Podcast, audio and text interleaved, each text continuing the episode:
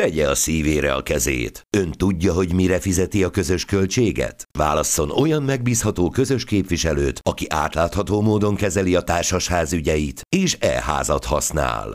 www.eház.hu Társasházi percek. Társasházi percek. A THT Társasházi Háztartás szaklap két hetente jelentkező magazin műsora. Aktuális társasházi témák, problémák, társasházkezeléssel kapcsolatos kérdések és válaszok első kézből szakmai beszélgető partnerekkel.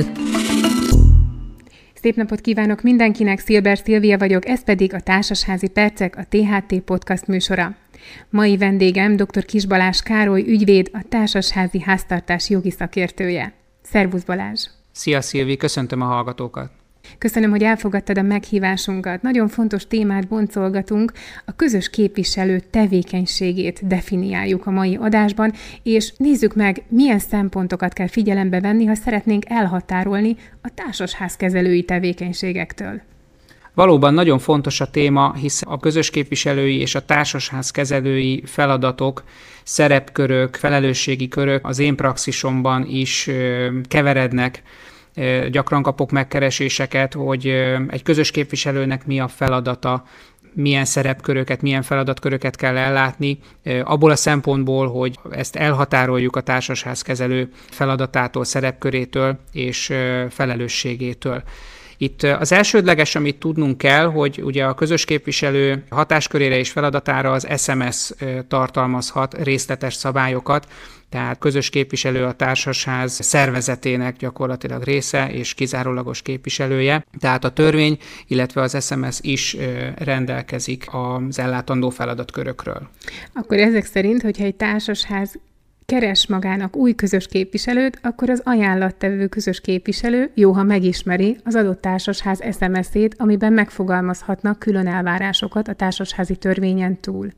Valóban nagyon jó a felvetés, igen. Először is az SMS tartalmára helyezném a hangsúlyt, tehát egy SMS módosítás vagy SMS létrehozás során én azt gondolom fontos élni ezzel a törvényi lehetőséggel, hogy meghatározzuk azokat a hatásköröket, feladatokat, szempontrendszert, amelyeknek meg kell, hogy feleljen az a közös képviselő, aki el akarja nyerni a háznak a bizalmát. Az egyik ilyen tipikus eset, amikor meghatározzák, hogy mi az az összeghatár, amíg a közös képviselő egyedül dönthet, vagy a számvizsgálóbizottság bevonásával, illetve mi az, amikortól már közgyűlést kell összehívjon.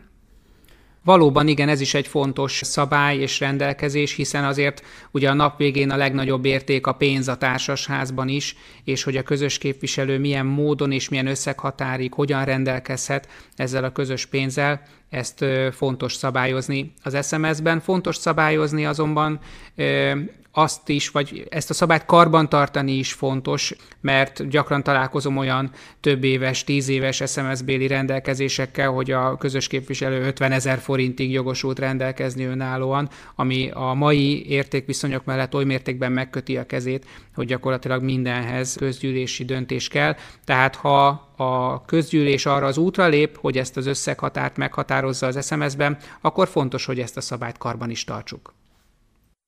Nézzük, mi az, amiben azonos a közös képviselő és a társasházkezelő tevékenysége, és mi az, amiben más. A közös képviselői tevékenységet legegyszerűbben úgy lehet elhatárolni a társasházkezelői tevékenységtől, hogy a közös képviselő feladata a napi ügyek intézése. Tehát a társasház a tulajdonos társak közösségének, közösségének napi ügyeit intézi, ez kiterjed nyilván a társasház aktuális fizetési kötelezettségeinek teljesítésére, követelésének behajtására, de hogyha a közgyűlési időszakra gondolunk, akkor a közgyűlés előkészítésére, annak összehívására, lebonyolítására, a jegyzőkönyv elkészítésére, határozatok könyvének vezetésére, számtalan adminisztratív feladat van, amit a közös képviselőnek el kell látni. Itt a társasházi törvény törvényhez fűzött kommentár is ezt a fogalmat használja, hogy a napi ügyek intézése tartozik főként a közös képviselő feladatkörébe. És ez az a pont, ahol jól szembe lehet állítani a társasházkezelővel a közös képviselő feladatát, mert a társasházkezelő feladatába már elsősorban a hosszú távú stratégiai tervezés tartozik bele, és emiatt a társasházkezelő jól elhatárolható kell, hogy legyen a közös képviselőtől, hiszen a társasházkezelő egy megbízási szerződés alapján szerződéses partnere a társasháznak, míg a közös képviselő ugye egy választott tisztségviselője tulajdonos társak közösségének. Tehát a klasszikus felállás társasház, közös képviselő, társasház kezelő esetében az, hogy a társasház közös képviselőt választ magának, a közös képviselő a napi ügyek intézésével kapcsolatos feladatait ellátja, azonban akkor, amikor már a társasházzal kapcsolatos stratégiai tervezés a feladat, vagy a társasház adottságainak ismeretében gazdasági elemzés alapján e, egy ajánlatkészítés az épület fenntartására vonatkozóan például, akkor már egy külsős szolgáltatót vesz igénybe a közös képviselő, és megbízási szerződést köt a társasház nevében a társasház kezelővel, aki ezt külön díj ellenében a megbízási szerződés szerint ellátja, így ebben a megbízási szerződésben lehet például rendelkezni arról, hogy a társasházkezelő miként szervezi az üzemeltetési és karbantartási feladatokat, irányítja és ellenőrzi a tervezett felújításokat, tehát számtalan feladatot elő lehet írni a társasházkezelő részére, de ahogy mondtam, a legfontosabb különbség, hogy a társasházkezelő egy külsős szolgáltató, szerződéses partner a társasház esetében, míg a közös képviselő egy választott tisztségviselő. Köszönjük szépen! Ugye a közös képviseleti tisztség az a közgyűlés határozatával jön létre. A társasház kezelővel pedig szerződést kell kötnie a társasháznak, ami tartalmazza, hogy milyen feltételekkel végzi el azt a tevékenységet a társasház kezelő. Ebben a társasház kezelővel megkötendő szerződésben mi az, amire figyelnünk kell, és mi az, amire érdemes kitérni? A társasház kezelővel megkötendő szerződés, ahogyan mondtam, egy megbízási szerződés, és ahogyan hosszú távú stratégiai feladatokat ró a társasház kezelőre, úgy értelemszerűen hosszú távú stratégiai partnere a társasháznak, tehát emiatt az üzleti partner kiválasztásánál már figyelemmel kell lenni arra, hogy hány éves gyakorlata van ennek a társasházkezelő cégnek, mekkora az általa kezelt társasházaknak a száma, milyen típusú társasházakat kezel, ott milyen feladatokat lát el, milyen referenciákkal rendelkezik, mióta van a piacon. Ezek mind-mind olyan szempontok, amelyel a hosszú távú stratég, amelyekre a hosszú távú stratégiai partner kiválasztásánál figyelemmel kell lenni. Magának a szerződésnek a kialakítása pedig szintén a megbízási szerződésen kell, hogy alapuljon. Itt részletesen meg kell fogalmazni, hogy mik azok a feladatok, amelyeket elvárunk a társasház kezelőtől, hogy ellásson, mik azok a szempontrendszerek, amelyeknek mentén számon tudjuk kérni a társasház kezelőt, és nem utolsó sorban mi az a díjazás, amire a társasház kezelő igényt tart ezen feladatok ellátásáért cserébe. Köszönöm szépen Balázs ezeket a hasznos információkat. A felújítások témája gyakran előforduló kérdés a társasházakban. Minden társasházban eljön a nagyobb felújítás ideje, és ekkor a közös képviselő, ugye a tulajdonosi közösség elé tárja azt a felújítási szükségletet, árajánlatokat, bemutatja, hogy mi az, amire szüksége van ennek a társasháznak ebben a korban, hiszen minden társasház avul, és sajnos a kollégák panaszkodnak gyakran arra, hogy a tulajdonosi közösségek hivatkozva anyagi helyzetre, élethelyzetre, bármi másra úgy döntenek az adott közgyűlésen, hogy nem biztosítanak forrást az adott felújításra, mert ők még úgy ítélik meg, hogy ez nem szükséges. Ugye beszéltünk korábban róla, hogy műszaki szakértőkre támaszkodva a közös képviselőnek egy kicsit könnyebb dolga van, hogyha ezt megfelelő szakemberek olyan szakemberek, akik nem érdekeltek a kivitelezésben, alátámasztják, hogy bizony ez a felújítás mondjuk szükséges, de mit tehet a közös képviselő, ha a tulajdonosi közösség azt mondja, hogy mi pedig nem akarunk felújítani, annak ellenére, hogy a szakértő ezt javasolja. A közös képviselőnek a feladata és a felelőssége vonatkozásában ez egy nagyon fontos téma. A felvezetés nagyon jó volt, köszönöm. A közös képviselőnek valóban ismernie kell az épület állagát és állapotát, és valóban akár évről évre a közgyűlés elé kell terjesztenie azokat a témákat, azokat a, az épület részekkel kapcsolatos kérdéseket, amelyeknél a felújítási, karbantartási munkálatok szükségesek, és egy további feladata a közös képviselőnek, hogy akár a műszaki szakértővel karöltve világossá tegye a tulajdonos társak részére, hogy az épületnek a jó karbantartási feladata az nem egy tulajdonosi mérlegelésbe tartozó kérdés. Hát erre vonatkozóan van jogszabályi rendelkezés, hogy milyen módon, mértékben kell eleget tenni az épület kapcsán a jó karbantartási kötelezettségnek, és hogyha ebbéli kötelezettségét a tulajdonosok közössége azáltal megszegi, hogy nem biztosít forrást a felújítási karbantartási munkálatok elvégzéséhez, akár érdektelenségből, akár rossz anyagi helyzetből, akár bármi másból kifolyólag, akkor ezt a jogszabályban rögzített jókarbantartási kötelezettséget, vagy ennek az elmulasztását az építés hatóság fogja vizsgálni. Tehát ez egy hatósági eljárás lesz a társasházzal szemben, amelynek a vége akár egy bírság is lehet, tehát közvetlen fizetési kötelezettség elé nézhet a társasház akkor, hogyha a jókarbantartási kötelezettségének nem tesz eleget.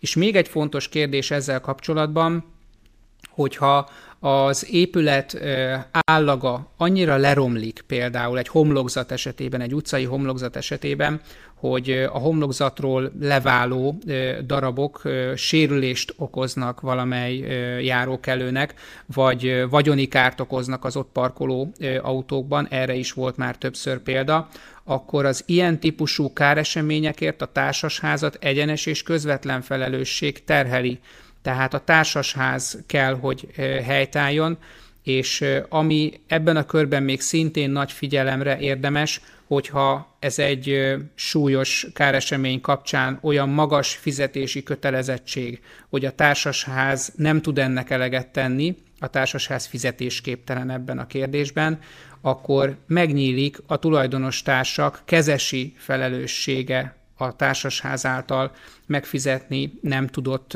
összegek vonatkozásában, és ott a tulajdonos társak a rájuk eső eszmei hányad erejéig a teljes vagyonukkal felelnek a társasházi törvényben rögzített kezesi felelősségük alapján.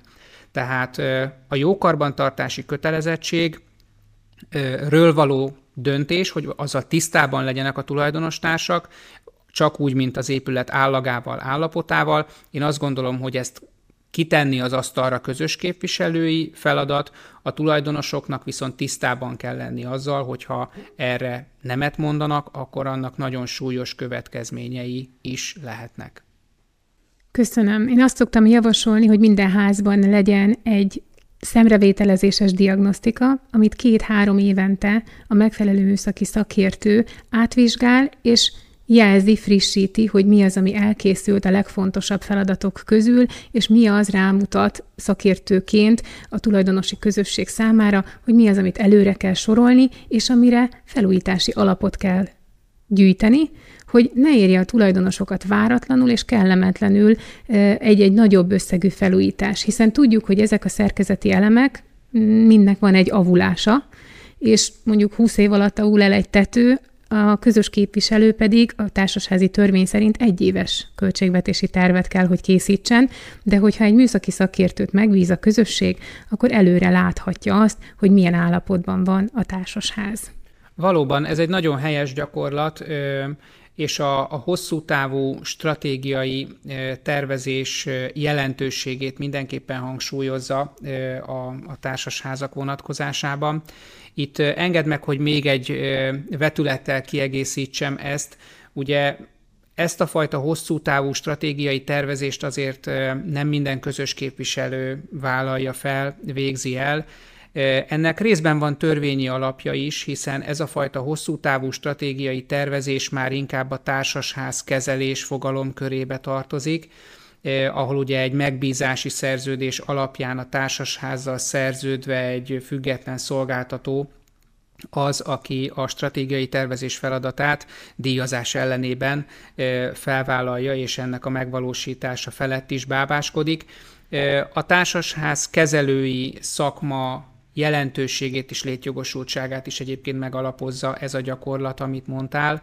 Tehát én azt gondolom, hogy közös képviselői szemmel érdemes erre figyelmet fordítani, és hosszabb távú stratégiában is gondolkodni, de helyes az a gyakorlat is, hogyha felismeri a közös képviselő, hogy ilyen több éves, hosszú távú stratégiában ő adott esetben csak támogatással tud gondolkodni, és akkor nyilván plusz díj ellenében, de egy társasház kezelő igénybevételéről dönt a közösség, és vele, valamint az ő szakmai stábjával közösen dolgozzák ki az épület felújításának, karbantartásának, üzemeltetésének hosszú távú stratégiáját.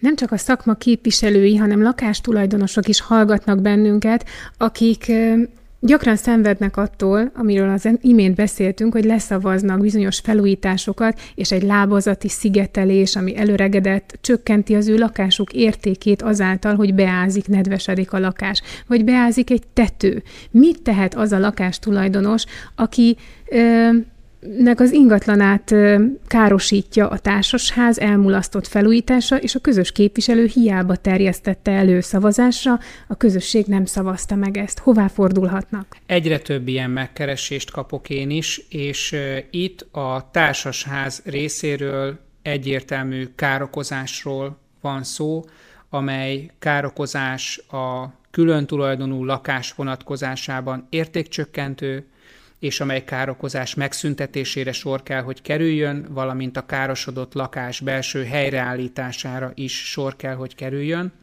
Ezek mind olyan kérdések, amelyet igazságügyi szakértő kell, hogy vizsgáljon. Egy igazságügyi szakértői vélemény kell, hogy kimondja azt, hogy a beázás műszaki oka micsoda, hogy az társasházi közös tulajdonba tartozó épületrész, tehát például egy szigetelésnek a hibája okán állt be, vagy valami mások miatt, hogyha a társasházi közös tulajdonba tartozó épületrész a hibás, ez a társasház felelősségét egyértelműen megalapozza. Itt célszerű kitérni a szakértői véleményben arra, hogy milyen munkálatok elvégzésével szüntethető meg ez az ázási esemény, illetve milyen költséggel lehet ezeket a munkálatokat természetesen elvégezni, valamint, hogy a, a kár, kárt szenvedett lakás belső helyreállítása az milyen módon és költséggel kell, hogy megtörténjen és ezt a szakértői véleményt célszerű a tulajdonos társak tudomására hozni, akkor még mindig dönthet úgy a közgyűlés, hogy helytáll ebben a helyzetben, és ha nem, hát akkor a rendes bírósági peres út áll a tulajdonos társ rendelkezésére, hogy az igényét érvényesítse, ide még egy fontos és érdekes dolgot hagy mondjak. Ugye úgy vezetett fel ezt a kérdést, hogy a közös képviselő szavazásra bocsátja, de a tulajdonosok elutasítják. Az is gyakori eset, hogy a közös képviselő nem bocsátja szavazásra ezt a kérdést, Évről évre előkerül ez a probléma, a tulajdonostárs szeretné, hogy ez megoldódjon, de a közös képviselő elodázza a kérdést akár éveken át, és nem szavaz a közgyűlés ebben a kérdésben, nincs is ez napirenden.